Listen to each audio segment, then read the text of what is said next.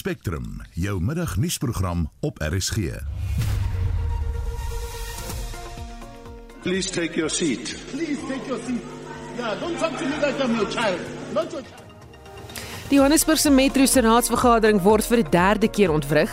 Eskom is bekommerd oor die verlies aan talle hoogsgeskoolde en ervare werknemers. and we have been losing about 37 employees per month. En almal kan nou aansoek doen om in die weermag se spesiale magte opgeneem te word. It suggests to me that maybe they want to expand special forces.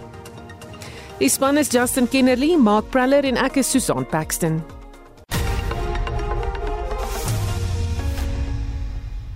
5 minute oor 12 jy luister na Spectrum. Eskom is bekommerd oor die verlies aan talle hoogsgeskoolde en ervare werknemers wat veral in die kragopwekkingskant van die kragrees aangestel is.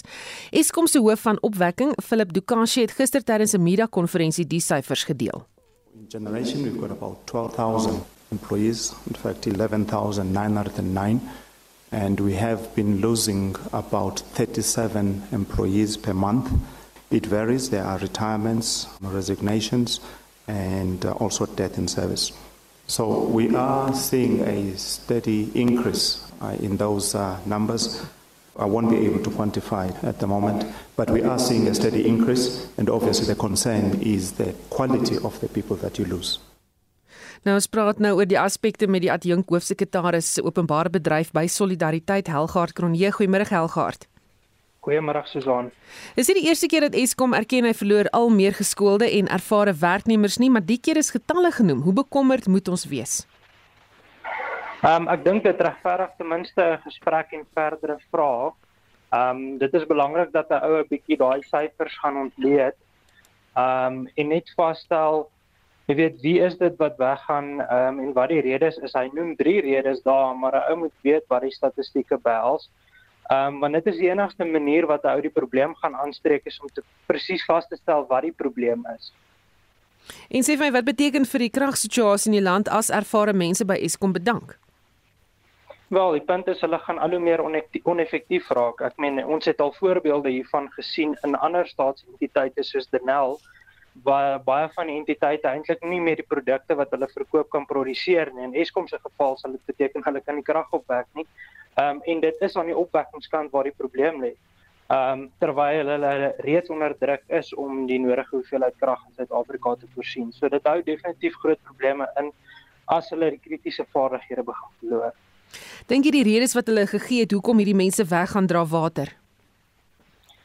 Ehm um, ek dink dit doen. Ek dink egter nie hulle het genoeg redes gegee nie en die vraag is ehm um, of ons as 'n land en ons regering volwasse genoeg is om werklik te erken wat die redes is en dit byvoorbeeld dat ehm um, dit belangriker vir staatsentiteite soos Eskom, die polisie, ehm um, en Denel is om transformasiesyfers te jaag as hulle kernbesigheid soos om krag op te wek, wapentuig te bou en die land te beskerm.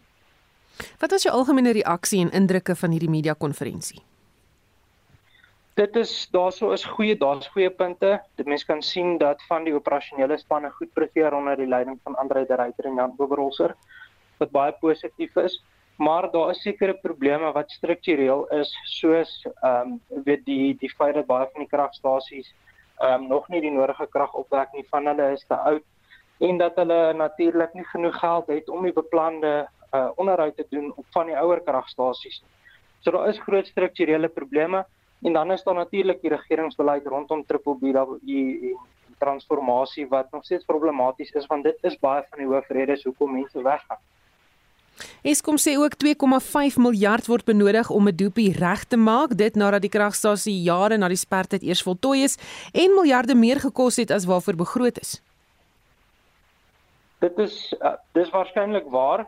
Ehm um, ek kan nie sien dat dit nie waar is nie en en hierdie is dood eenvoudig die gevolge van swak regeringsbesluite en staatsamptenare wat beleide uitvoer wat individue verryk en sekere 'n sekere elite verryk deur uh verkrygingsprosedures ehm um, waar daar geen waarde toegevoeg word tot individue nie maar hulle geld verdien daaruit. Ehm um, dit is so eenvoudig soos dit. As 'n mens dit egter in die publiek sê, dan is daar word daar groot daarteen geskop want dit pas natuurlik nie die ANC, ANC regeringsnarratief nie. Eskom het ook verwys na diefstal en vandalisme wat probleme veroorsaak. Ons weet dat kragonderbrekings wat soms dae lank duur hierdeur veroorsaak word. Hoe kan die probleem opgelos word? Ek sien eh, Andre de Ruyter het byvoorbeeld genoem al die stappe wat hulle in plek sit wat natuurlik positief is. Ek dink die vraag wat gevra moet word is um, is dit Eskom se werk om te seker dat kritiese infrastruktuur van die land beskerm word of is dit die SAPD se verpligting? Ehm um, ek meen as mens gaan kyk hoe lyk die misdaadsyfers, dan ehm um, is die SAPD amper meer oneffektief as wat Eskom is. Ehm um, hulle begroting gaan gesny word. So 'n mens moet 'n vraag begin vra oor die leierskap van van die SAPD eerder as wat mens kyk na Eskom. Dis nie Eskom se werk om hulle infrastruktuur veilig te hou nie, maar dis die SAPD se werk om ons land te beskerm teen misdaad en misdadigers want hierdie is niks anders as doeteenvoudige misdaad. Baie dankie. Dit was die adjunk hoofsekretaris openbaar bedryf by Solidariteit Helgard Kronje. Opposisiepartye in Johannesburg Metro Raad beweer dat sommige raadslede in sleutelposisies op bedrieglike wyse verkies is. Hulle dreig nou om regstappe te neem. Die raad het gister vir 'n derde keer vergader om voorsitters van portefeuljekomitees te verkies, maar dit het nie vlot verloop nie. I'm asking you to sit down. Take your seat. Yes. Take your seat. I'm an elected councillor here, not by you, by the residents. Please take your seat. Please take your seat. Yeah, don't talk to me like I'm your child. Not your child. Ontevrede raadslede van die oppositiepartye het weer die verkiesingsproses ontwrig. EFF raadslede het kopgestamp met die spreker van die raad, Vasco da Gama, na 'n poging om die geldigheid van die notules van die vorige vergadering te betwis. Die ANC se Mpomorane het gedreig om die proses te betwis. Albei partye het aan die artikel 79 proses onttrek. Die eerste sitting is uitgestel nadat die ANC en die EFF daarop aangedring het om deur middel van 'n geheime stemming te stem. De Gama het egter geweier met die argument dat die wet op munisipale strukture nie toelaat dat voorsitters deur middel van 'n geheime stemming verkies word nie. Rule 58 is quite clear. And following that, I reserve my rights as the Speaker to stay on the ruling that I've made on the 13th. This Council has approved the minutes serving here today, and we are going to go ahead electing the chairpersons that were not withdrawn. Die ALR vir samewerkende regering in Gauteng, Lebogang Maile, het Woensdag met die Gama en die partye vergader. Maile het later gesê 'n kompromie is bereik. Dit het egter nie in die sitting weerspieël nie. Die EFF het die Gama daarvan beskuldig dat hy 'n bedrieglike proses voortgesit het toe die Cope raadslid Colin Makobele as voorsitter verkies is terwyl die AEC se Margaret Arnolds die verrigtinge skielik verlaat het om 'n saak van bedrog teen die spreker aanhangig te maak. Die EFF sê dat Makobele se verkiesing nietig verklaar moet word. Speaker, it's either your office changed the the, the original form because you have given us wrong forms to go and contest for the section 79 of community development disguised as a chair of chairs. That is very fraudulent. The system was not fair. Johannesburg se burgemeester Mpopalatse sê sy is nie afgeskrik deur die dreigemente nie. We're very happy for them to approach the courts because we know they will not succeed in court. There is no flouting of rules that has happened. The EFF and the NC and their partners withdrew their nominations willfully so. Nobody asked them to do it. And the meeting continued. We had quorum when the withdrawal happened. The speaker spoke into the record that what needs to happen is for him to just ratify those nominations that remain uncontested. And that's exactly what happened today. So they, if they want to go and waste resources, waste time, they're free to do so. Die DA-geleide koalisie in die stad sê oppositiepartye weier om saam te werk in 'n poging om die raad deur Maile te laat ontbind. Hierdie verslag deur Soleka Ndashi in Johannesburg en ek is Justin Kennedy vir SAK nuus. Die nasionale kommissaris van polisie, Kegla Sitole, ontken dat hy nie met die onafhanklike ondersoekdirektoraat saamwerk met betrekking tot die ondersoek na die moord op luitenant-kolonel Shaal of Shaal Kneer nie. Kneer is in September 2020 voor sy huis doodgeskiet. Die hoof van die onafhanklike polisie ondersoekdirektoraat, Opot, Jennifer Tlaseng, het 'n strafregtelike klag teen Sitole ingedien. Ons praat nou hieroor met die leier van die Vryheidsfront Plus wat ook die langsdienende parlementslid is op die portefeulje komitee vir polisie, Dr Pieter Groenewald. Goeiemôre Pieter. Goeiemôre Susan. Was jou reaksie uh, op Oopot se klagte teen Sitole? Wel in die eerste plek het ons nie presies die duidelikheid van wat is die presiese klagte nie. Hulle sê hulle het 'n strafregtelike klagte ingedien. So is dit 'n geval van uh dwarsboming van die reg. Die logika sê dit is wat dit behoort te wees.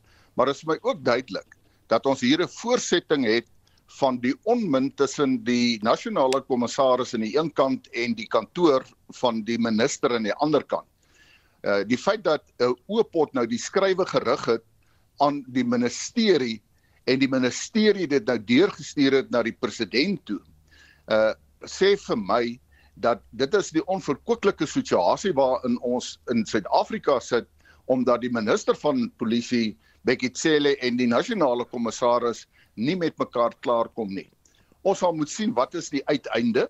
Ja, ons weet dat daar is sprake dat daar reeds vir deur die president vir uh, Sitole gevra is om te sê uh of hy hom nog steeds as geskik beskou om in sy pos te wees.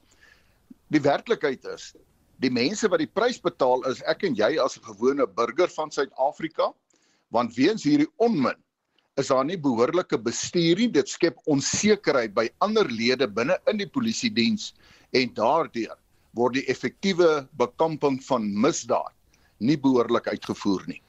Is die parlement se portefeulje komitee vir polisie by magte om Sitole te dwing om sy samewerking te gee in die ondersoek? Wel, dit is nie so eenvoudig nie. Ons kan hom wel by die komitee vra om te verskyn en die redes verskaf dat indien dit so is dat hy nie sy samewerking gee nie, want hy ontken dit op hierdie stadium. Uh wat is die redes? Ons kan ook uh, natuurlik uh, die mense van Oopot vra om te kom verduidelik. Hoekom sê hulle hy wil nie saamwerk nie? maar ongelukkig het die polisiekomitee nie die magte en die bevoegdhede om hom te kan dwing nie. Uh dit is 'n geval van dis hoekom daar dan 'n strafregtelike klagte is en natuurlik die oomblik as daar 'n strafregtelike klagte is en 'n persoon verskil daarmee, dan kan hy of sy hulle tot die hof wen. So om jou vraag direk te beantwoord, ons kan by die komitee die mense vra om voor hulle te verskyn en te kom verduidelik. En dan moet hulle verduidelik uh, hulle het nie 'n keuse wat dit betref nie, maar om hom te dwing om wel dan saam te werk en of wat ook al die betrokke klagte is in die inligting te verskaf, dit kan ons ongelukkig nie doen nie. Jy is ook tans in 'n vergadering betrokke oor die brand in die parlement, wat word daar bespreek? Wel dit gaan nou oor 'n lywige verslag van uh beide die uh, brandweerdienste van Kaapstad sowel as die minister van polisie of die polisie uh oor die omstandighede uh, wat daar was of geheers het uh, toe die brand ontstaan het op 2 Januarie in die parlement. Uh die vergadering is nog steeds aan die gang. Ons is nog besig om vrae te vra. Ek het my vrae gevra, maar ons wag nog vir antwoorde. Dit sal seker net nou plaasvind. Uh maar wat 'n uh, bietjie ontstellend is, is dat en dit was my spesifieke vraag in die verslag van die polisie sê dit dat die video muur met ander woorde wat al die kameras uh, dan uh, behels rondom die parlement het op 21 Desember het uh, dit uh, afgeskakel. En die rede wat hulle sê dat daar was 'n onderbreking in die Eskom kraglewering maar later het dit toe gebleik dat dit 'n geval wees van 'n opwekker wat uit diesel uitgeraak het en dit sê van 21 Desember tot en met die brand het daardie video muur met ander woorde die verskillende video monitors se skermpies het nie gewerk nie. En nou sê hulle hulle uh, het stel nou stappe in teen uh, ongeveer te drie uh, lede van die polisie wat op diens was van 31 Desember af. Ek dink dis onbillik in die opsig dat hoekom tree hulle nou nie ook op teen die persone wat van 21 Desember uh ook aan diens was nie? want dis baie duidelik dat dit was die hele tyd af en ek wil weet hoekom word uh, hulle nie ook bygevoeg in terme van optredes nie dit is die skof bevelvoerder basies en die persone wat die monitors uh, moes uh, gemoniteer het. Uh die ander aspek is wat uh, ek ook duidelikheid wil hê is dat daar was gesê dat die uh, verdagte het uh, vloeibare plofstof by hom gehad. Nou vloeibare plofstof is uh, nie so eenvoudig nie. Uh dis uh, wel in die myne word dit kommersieel gebruik. Maar dit is 'n tipe van 'n emulsie en daar's 'n proses, dit staan bekend as die gassing proses, uh voor dit aktief kan raak. En ek wou geweet het was hierdie plof dan dan bietjie geaktiveer gewees. Uh want dis nie so eenvoudig nie. Uh behalwe dit moet enige plofstof om te kan ontsteek, het jy 'n ontsteker nodig. Uh in Engels is dit 'n detonator en het hulle het hulle so sulke uh, ontstekers by hom ont uh, gevind of nie. Uh en ons wag nou vir die antwoord. Maar dit is teleurstellend om te sien die laksheid van die sekuriteit van die polisie se kant af wat daar plaasgevind het. Pieter net uh, op daardie vraag oor die persoon wat in hegtenis geneem is en uh, die middel wat by hom gekry is, uh, is julle dis met ander woorde nie oortuig daarvan dat hy daar was om uh, skade so te berokken? Wel, ek het gesê want hulle moet ook sê want in 'n sekere opsig van die polisie aan die een kant sê nee, hy het nou nie plofstof gehad nie. Hulle dis nou weer tipies, dan word daar gesê hy het en dan word daar gesê hy het nie. En ek uh, sê dat indien hy wel plofstof gehad het, uh is dit 'n baie verskillende hoek van die motief daarvoor. Uh ek meen dan as jy plofstof uh, gaan vat na 'n plek toe dan is dit niks anders as sabotasie. Nie wel al stukkie net 'n brand is dit ook sabotasie, maar dan was die motief uh op 'n baie sterker hoek gewees. En dis hoekom ek wil weet. Uh maar die ander kant van die saak is het die persoon as hy dit gehad het, weet hy ooit wat is vloeibare plofstof? Uh as hy dit weet, dan beteken dit hy's 'n behoorlike opgeleide persoon want 'n gewone persoon van die straat sal nie weet wat is uh, vloeibare plofstof nie. Wel, hy kan miskien dink hy iets, maar hy gaan nie weet wat om daarmee te doen nie. En dis die hmm. belangrike aspek. Ja. As hierdie persoon wel vloeibare plofstof in sy hande gehad het, beteken hy hy's 'n behoorlike opgeleide persoon gewees en dan is daar baie meer vrae wat kan ontstaan. Baie dankie ons gepraat met die leier van die Vryheidsfront Plus wat uh, ook die langsdienende parlementslid is op die parlement se portefeulje komitee vir polisie, Dr Pieter Groenewald en dis 'n storie wat ons dophou want hy's uh, steeds besig om te ontwikkel. Die Suid-Afrikaanse Nasionale Weermag het aangekondig dat die organisasie nou lede van die publiek gaan toelaat om by spesiale magte of soos dit in die volksmond bekend staan die rekkies aan te sluit. Die militêre kenner Helmut Rumer Heitman sê die publiek sal eers diensplig moet ondergaan as hulle gekeer word. Rumer Heitman sê dit is vir hom 'n vreemde konsep. I mean, it's not unheard of, it's been done before in others. And I mean, during the Bush War, the special forces recruited out of among national servicemen and still doing the national service. They just added a year. So it's not unusual, totally unusual. It's not unique, but it's a little out of ordinary, which suggests to me that maybe they want to expand special forces. But as I read the advert, I think if you are civilian, and you haven't got any military background, you will first have to do your normal two-year service and then go for the selection process. So it's not as if they're watching anything down. It's just they're prepared to say, okay, you're going to come this way, give it a whirl, but you're going to have to first go the, the hard road. Romer Heitman waarsku egter dat nie almal so 'n soldaat kan wees nie. Probably the most important character trait is, is determination. I think any, any special forces operator you speak to in any country in the world, I've met a fair number from different countries and ours, you know, you, you think it's the muscle bound guy who will make it, the super duper fit guy. That's not, not necessarily the guy who will make it. Very fit, and most civilians will not be fit enough to start with. Like most civilians aren't fit enough to start with. They've got to get there. But what, gets people through selection, what gets them through operations, is determination, perseverance, not pure physical strength. Römer Heitman sê dat die gebeure nie 'n weerspieëling is van die soldate wat reeds daar is nie. You see all the bad news about the defense force. The reality is there's not much wrong with, with our people, our officers or NCOs. And we got some dodos, but we had dodos in the old SADF too. If you look at the performance in Darfur and the Congo, in Burundi, in Comoros, in, in Bangui, they've always done very well in combat. And they've done well in other things like flood rescues and so forth. There's nothing wrong with people. It's, it's a money issue. If you can't train to the full standard, like fire off enough, then you're not as good a pilot as you should be. If you can't shoot off enough, you're not as good a shot as you should be. If you can't maintain equipment, you can't use it. En dit was die militêre kenner Helmut Romer Heitman. Die stygings van die rentekoers in die afgelope maande se swaar reën kan volgens verskeie ekonome 'n nadelige impak hê op die huidige landbouseisoen. Die oeskattingskomitee se jongste verslag bied boonop nog nie duidelikheid oor hoe die seisoen gaan uitdraai nie. Dawie Marie is 'n landbouekonoom by FNB en hy praat nou met ons. Goeiemôre Dawie. Goeiemôre Susan. Kom ons begin met die rentekoersverhoging. Wat is die impak hiervan op boere se vermoë om hulle skuld te kan diens? Susan, ja, dit is nogal 'n redelike stewige impak wat ons het. Um alhoewel die die rentekoers het met 25 basispunte verhoog, moet ons in ag neem dat die totale landbouskuld vir vir landbou en dis nou uh die primêre produsente maar ook bietjie van die sekondêre landbou Um en en nou praat ek net van die wat by kommersiële banke is. Dit is uitgesluit die landbank en en ander uh, industrieë. Dit beloop so om en by 183 miljard rand. So 'n 25 basispunt verhoging in in die rentekoers beteken dat die die rentekoste per jaar styg met so om by 2.6 miljard rand uh, of andersins gesien 380 miljoen rand per maand. So dit is nogal 'n 'n stywige of 'n stewige stygings in die rentekoste. Nou ons moet in ag neem weet dit is nou nog bo en behalwe die ander insetkoste wat die laaste paar maande aansienlik gestyg het. En nou praat ons van brandstof, kunsmis, onkruiddoders, uh, arbeid, e-, elektrisiteit en al daardie goed saam. So so boere se se winsmarges gaan werklik nou weer onder druk kom. En wat van die verbruiker en selfs tussengangers?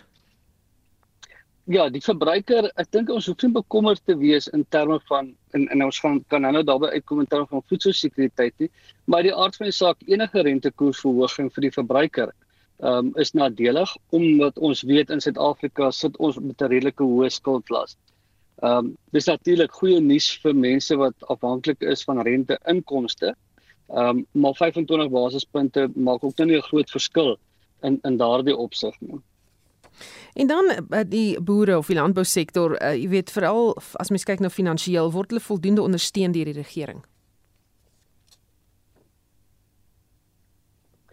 So dan ongelukkig nie. Ehm um, weet begin ondersteuning word deur die regering gegee in terme van finansiële uh, ondersteuning nie.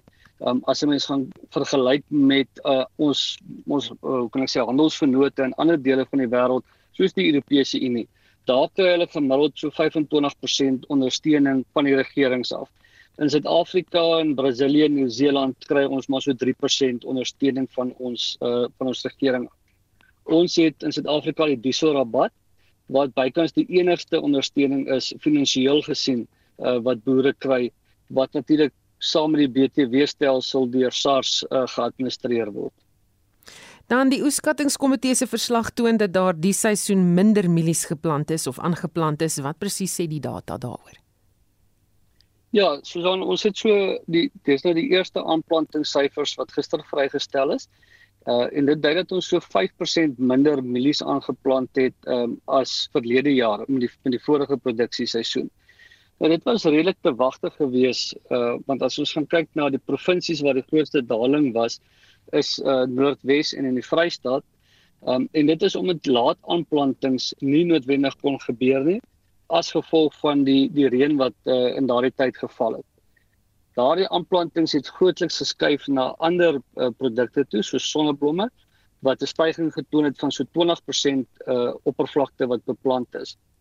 Um nou ek dink dit is dit is rede tot kommer nie want um alhoewel ons gesien het nou die laaste paar weke het ons met skade gehad in terme van van water met mielies wat uh, versuip het. Ehm um, dink ek dit is rede tot kommer nie want die opbrengspotensiaal op die ander mielies is is natuurlik baie beter en ons verwag dat ons nog steeds 'n redelike goeie oes uh, hierdie jaar sal afval uh, as die huidige toestande sal voortgaan soos wat ons verwag. Baie dankie dit was Dawie Marie landbou-ekonoom by FNB. KAKNK sal na afwesigheid van 2 jaar weer feesvier. Hugo Tiaart, artistieke direkteur van die KAKNK, sê die vooruitsig om feesgangers, borgers, kunstenaars, vennote en ander besoekers op Oudtshoorn te verwelkom is 'n groot voorreg. Hy sê jy gaan egter net kan gaan fees as jy ingeënt is. Dit gebeur as as die pandemie wegbly soos wat dit op die oomblik is. Ehm um, gebeur dit van 29 Maart tot uh, 3 April in Oudtshoorn. Dis nou die eerste keer na 2 jaar wat julle weer, kom ons sê nou maar Oudtshoorn se deure oopgooi vir hierdie fees. Enigiets interessants wat julle beplan om seker te maak dat almal veilig is en om ons nuwe tye waarin ons leef te akkommodeer? Absoluut. Ons het verlede jaar het ons ehm um, verskeie lewendige vertonings, enkel vertonings gedoen juis om 'n uh, uh, jy weet te kyk hoe die stelsels kan werk en hoe mense gehore kan veilig hou en kunstenaars kan veilig hou en almal wat betrokke is. So alle veiligheidsmaatreëls sal gevolg word, maskers, sanitering en dan ook wat belangrik is is om seker te maak dat jy weet ons alles moontlik doen wat ons kan. Het ons ook 'n inentingsmandaat ingestel. Wat beteken dat almal wat betrokke is by die fees, wil werk vir die fees en ook enige iemand enige gehoorlid moet gevaksinereer wees. Hmm. Goed dan en uh dis nie baie tyd nie. Nee, dis om die draai, maar dit is opwindend. Ons gaan definitief gereed wees. Die program sal einde Februarie ten volle beskikbaar wees en kaartjieverkope sal onmiddellik daarna open. Fantasties. Maar ons sal so 'n paar teasers gooi tussendeur. Die fees nooit gedwonge met mense anders dink oor feeste en byeenkomste binne hierdie omstandighede. So jy weet mense kan nie meer die groot byeenkomste en net uh, jy weet oop areas waar enige iemand kan kom nie. So alles word per venue gereguleer en seker gemaak daar's toegangsbeheer waar mense natuurlik uh, jy weet hulle temperatuur gemeet word en hulle jy weet ons al die checks sal doen en net om seker te maak dat 'n mens nie te veel mense in 'n area het nie en binne die regulasies en veilig bly en dat mense kan distansieer en dan ook dat 'n mens weet jy weet dis nie nou dat duisende mense wat net toeval op 'n spesifieke plek nie. En dit was die Goeteart artistieke direkteur van die KAKNK. Die DA in die Vrystaat het 'n oorsigbesoek afgelê in twee munisipale gebiede in die provinsie. Inwoners in die Mangaung en die Machabeng munisipale gebiede kla oor swak dienslewering en vervalle infrastruktuur. Die DA se nasionale woordvoerder en skadu minister vir plaaslike regering Silje Brink sluit nou by ons aan. Goeiemôre Silje. Middag Susan. Mangaung en Machabeng, watse dorpe sluit dit in? So Machabeng is grootliks welkom in die omliggende areas en Mangaung is die metropolitaanse munisipaliteit van Bloemfontein, uh, maar hy strek so ver as 'n Wepener. En julle het ook verlede jaar um, hierdie gebiede besoek. Ons het veral berig oor die watertekorte in Machabeng verlede jaar. In vergelyking met toe, um, het dit agteruit gegaan of wat het julle gevind? So die laaste keer wat die DA se nasionale leierskap na die Vrystaat toe is vir die doeleindes van oorsig en water om die waterkrisis aan te spreek, was dit die verkiesingsveld tog en ons uh versoek toe aan inwoners was om vir verandering te stem want mense moet die stembus gebruik om korrupte en onbekwame regerings uit te stem. Nou die ANC regeer natuurlik die meeste van die munisipaliteite in die Vrystaat en hulle het wel seer gekry in die plaaslike regeringsverkiesing wat verlede jaar plaasgevind het, maar in Machabeng en Mangaung nie seer genoeg om hulle meerderheid te verloor nie. So die doel van hierdie besoek was om die omvang van die situasie hoe dinge verander het, ehm um, te bepaal en ook om die om te bepaal watse mate van ondersteuning die nasionale minister van plaaslike regering Kossazana Dlamini Zuma verskaf aan ehm um, munisipaliteite want nasionale regering het 'n plig in terme van die grondwet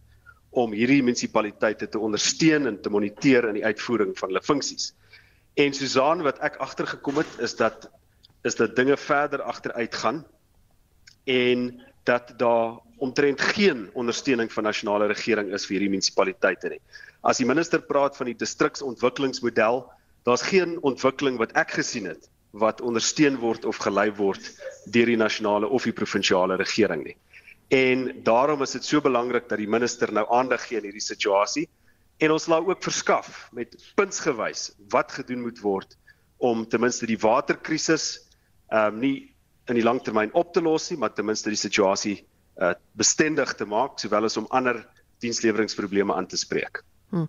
So julle gaan 'n lys gee want ek moet sê verlede jaar toe ons gekyk het nou vir al die Machabeng dienslewering watervoorsieningsprobleem, ehm um, was dit vir my duidelik van die dat die gemeenskap gevoel het niemand help nie. Geen van die politieke leierskap, raadslede, niemand was betrokke of beskikbaar nie. Na 6 dae het hulle die nuuskantoor gebel en gesê, "Goed, ons het nie water nie. Ons weet nie wat aangaan nie. Ons het nie eers watertankers wat vir ons water gee nie." Gaan julle meer daadwerklik optree as 'n oppositieparty of net staan in die kantlyn met 'n lys en sê hierso's ietsie wat julle kan doen as julle wil?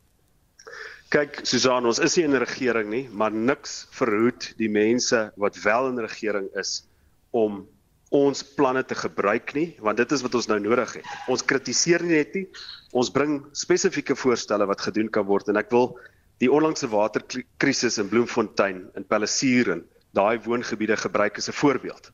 Wat daar gedoen moet word is die oprigting van 'n uh, reservoir, 'n 'n 'n garingsdam en daai kapitale projek is reeds op die begroting. Die probleem is die begroting is nie befonds nie.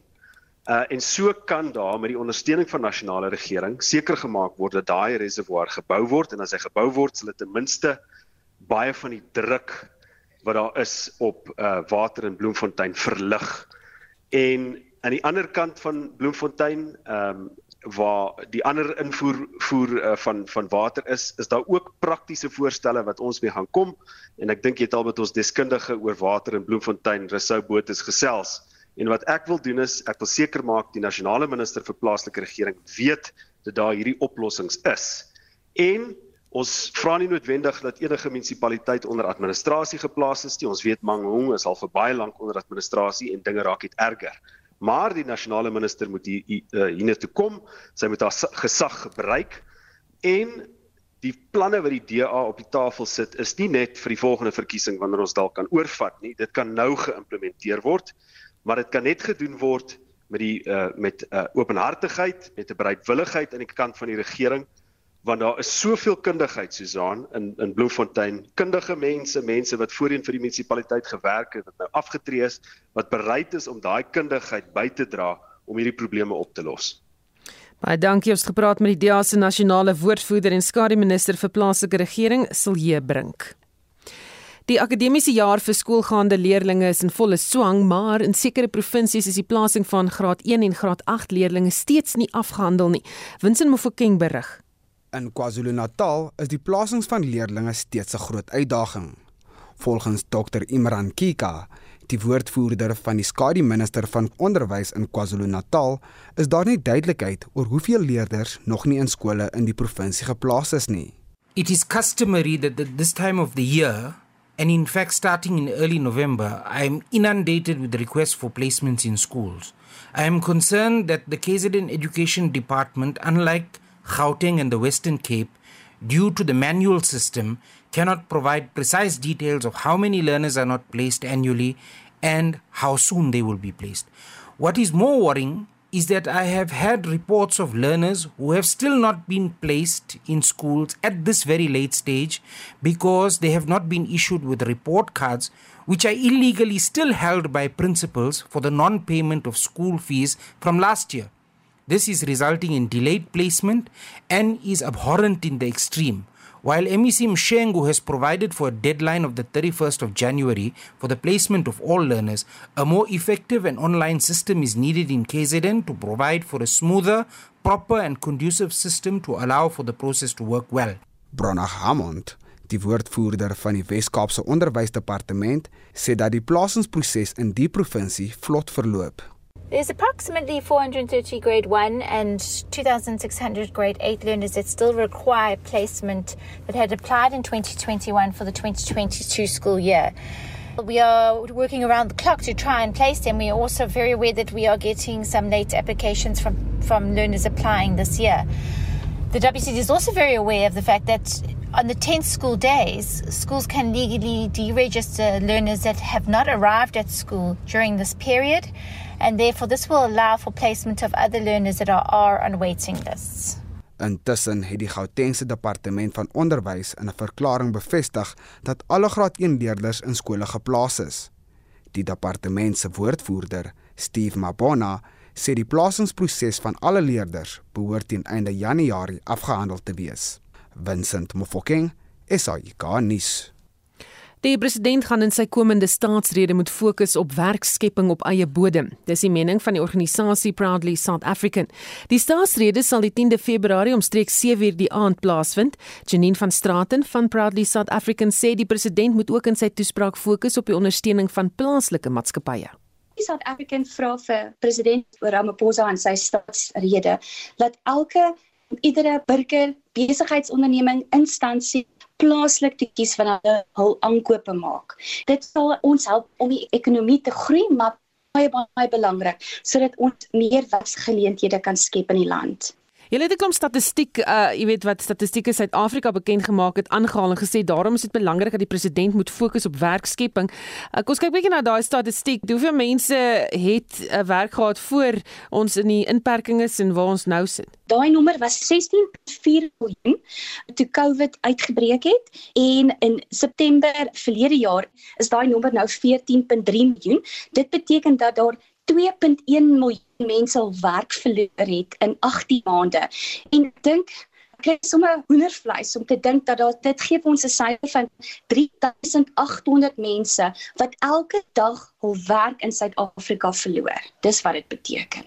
En jy voel ook dat as die regering die voorbeeld stel deur byvoorbeeld plaaslik te koop, dit gaan um, werkskepping ook stimuleer.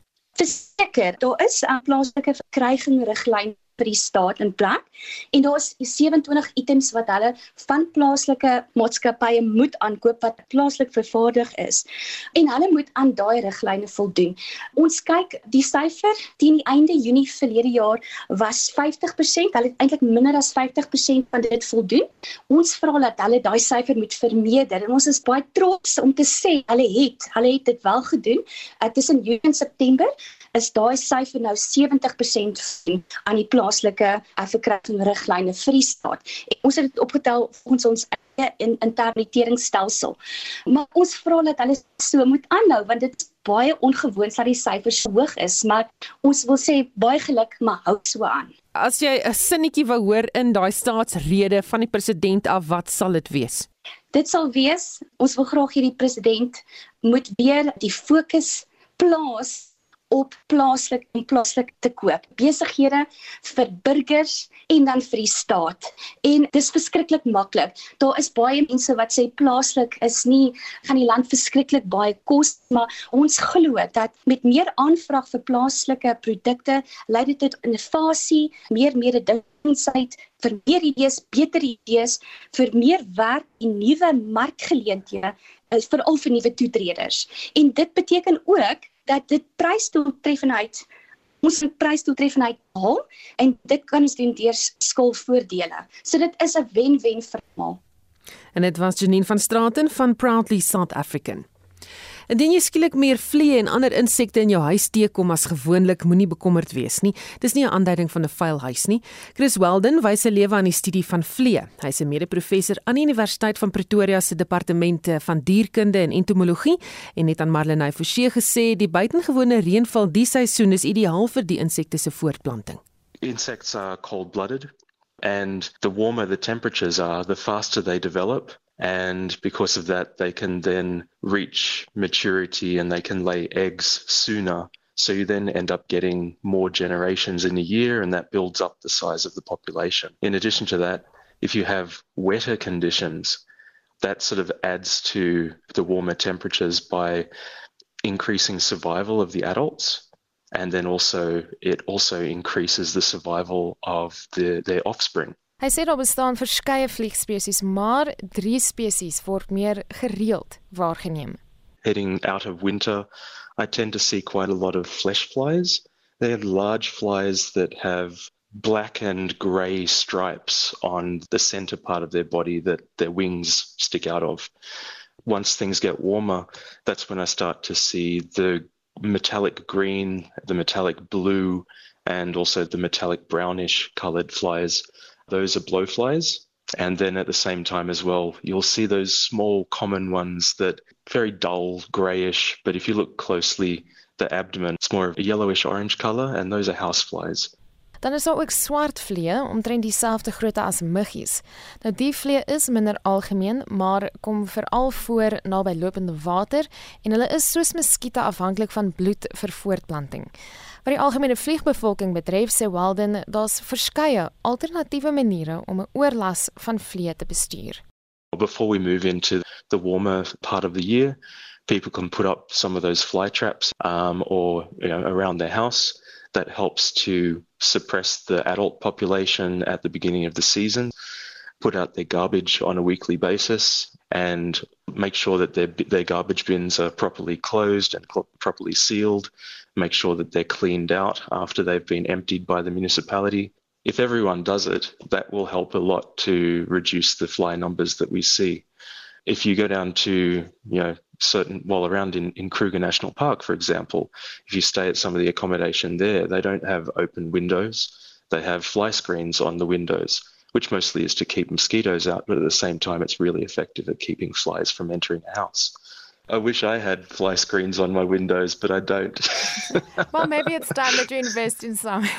yeah, no. No, growing up in Australia, everyone has them because flies there are just such a nuisance. So when I moved here to South Africa, it was a surprise that houses don't have them. Nog maniere is die linte waaraan vlee vasplak en selfs bierblikkies met 'n katsbogie bier in omdat dit vlee lok en hulle dan in die blikkie vassit. Maar waar broei hulle dan so vreeslik uit? The types of material that they breed in are kitchen scraps, various types of animal droppings, also even just rotting vegetation on a compost heap. Basically, it needs to be damp, rotting organic material. Hoewel daar 'n negatiewe stigma om vlee is, sê Walden hulle speel tog 'n belangrike rol.